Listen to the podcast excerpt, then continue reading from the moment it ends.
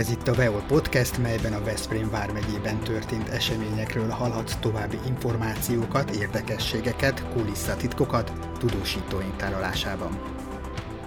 Én tíz éve kezdtem el a kollégáimmal szervezni az Annabát, úgyhogy a műveldési osztályjal közösen, a Cserép Lászlóval, úgyhogy gyakorlatilag most vagy egy egész stabil társaság az, aki stáb, az, aki szervezi az Annabát és az Anna Fesztivált. Az Anna Fesztivál egyébként 11. éve valósul meg most ugye idén 11. alkalommal.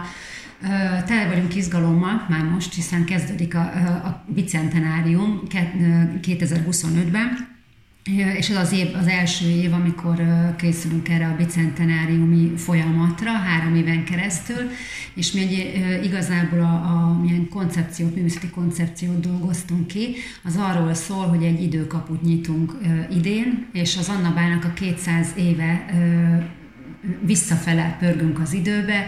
Most az 50-es, 60-as évek lesznek, amivel, ami a fókuszában lesz az Anna Fesztiválnak, meg az Anna Bálnak. A jövő év 2024 az a századforduló és a 20-as évekről fog szólni, és 2025-ben a bicentenárium alkalmával pedig visszamegyünk a gyökerekhez, az Annabál alakítás, alapításához, ami 1825-ben volt, ugye, tehát az 1825 és a 19. század lesz a fókuszban. A, Amióta az Anna Fesztivál ö, működik, azóta az Operaházzal és a Hagyományok Házával is folyamatosan együttműködünk. Az Operaházzal a csütörtök és pénteki napokon hagyományosan szervezzük a, az operaesteket, amiben ugye az Operaháznak a zenekar és az énekkar is közreműködik, és az Operaház kiemelt énekesei.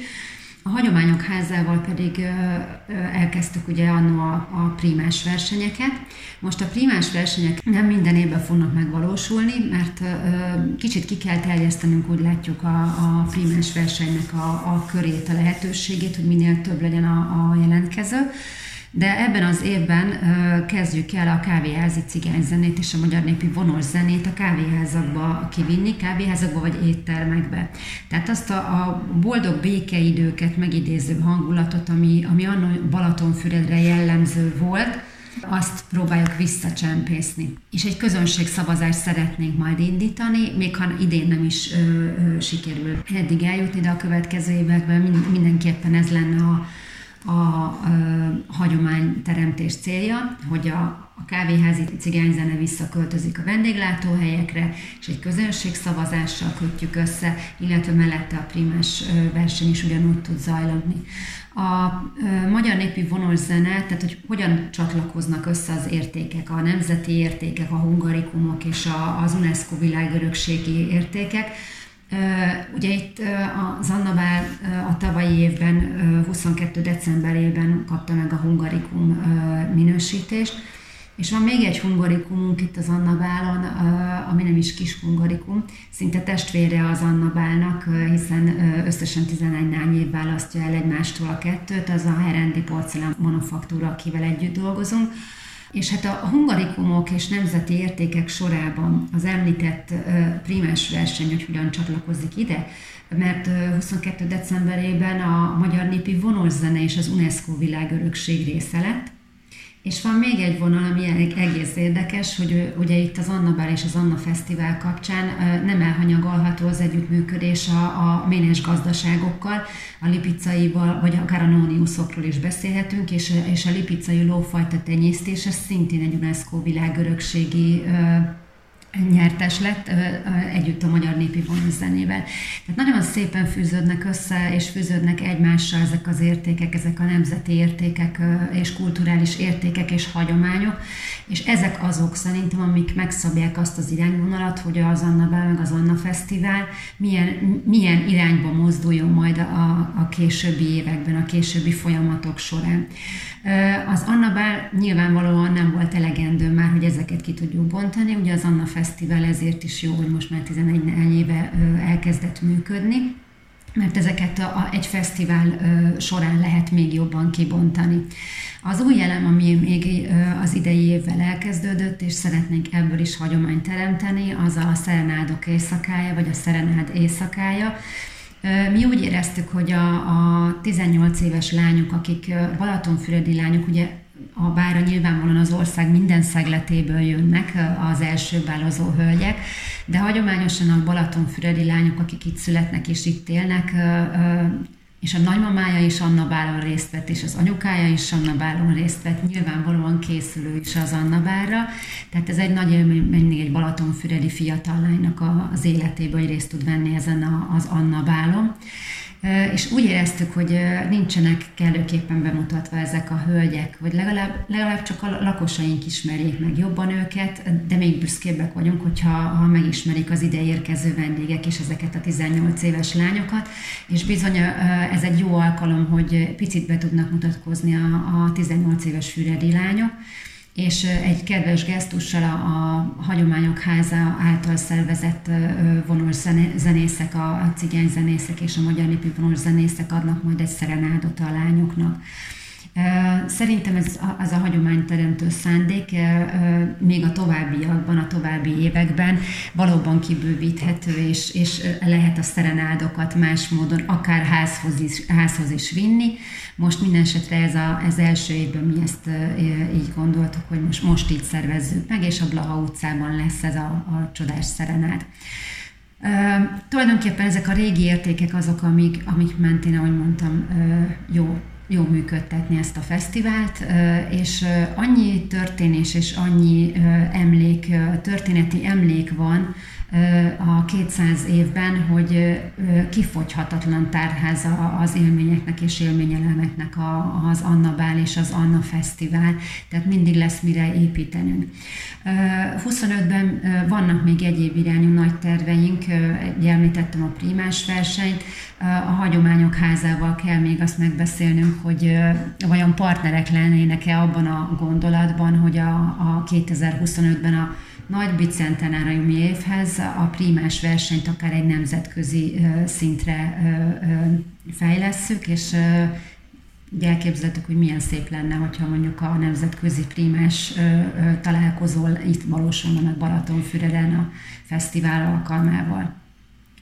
A másik, ami, ami újdonság ugye idén, említettem az, ezeket az időkapukat, vagy hát az, az időkaput, ami megnyílik, hogy amikor a, a bevonulás van az Annabára, akkor a óriási tömeg szokta nézni magát a bevonulást. De úgy éreztük, hogy annál többet nem, nem tudtunk eddig adni a bevonulást néző, nézőknek, és most élményelemeket csempészünk ide és a bevonulásba. Három ponton, a egyik a kerektemplomnál, a másik a, a Blaha utcában, a régi postaháznál, illetve a gyógytérnél. Az említett három időszakot fogjuk megeleveníteni. Elindulunk most a múltból, 1825-től, ahol egy gyönyörű virágkorzós kocsit fogunk kiállítani, és egy jelenet az 1825-ös évből elevenedik meg. A következő alkalom az a, a, a századforduló és 20-as évek, és eljutunk az 50-es, 60-as évekig, és a táncdal fesztiválok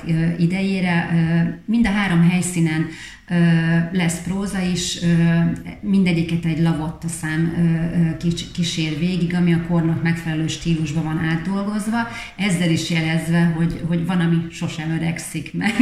Mondja, hogy az Anna Bál sem öregszik, hanem szerintem egyre fiatalodik, és érik egyúttal ezzel a 200 éves emlékkel, illetve a prózán kívül ezekben a kis jelenetekben és a zenén kívül táncosok is részt vesznek, és színésznők fognak megjeleníteni korunk egy-egy nagy női alakját, aki abban a korban nyilvánvalóan képviseli, képviseli, szimbolizálja azt a korszakot és a, a magyar nőket. A mi annáinkat tulajdonképpen mondhatjuk így is. Úgyhogy ezek lesznek, amik még ilyen újdonságok az idei évben. Szerintem érdemes egyébként mindenkinek akár az egész hetet erre áldozni, minden nap találkozik valami újdonsággal itt Balatonfüreden a, a fesztivál ideje alatt az érdeklődő.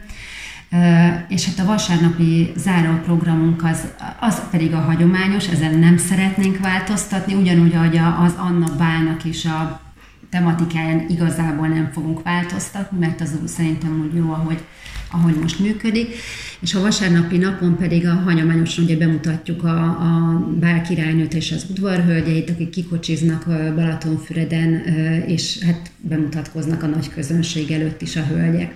Ez egy ilyen hagyomány, ami szerintem megőrizendő.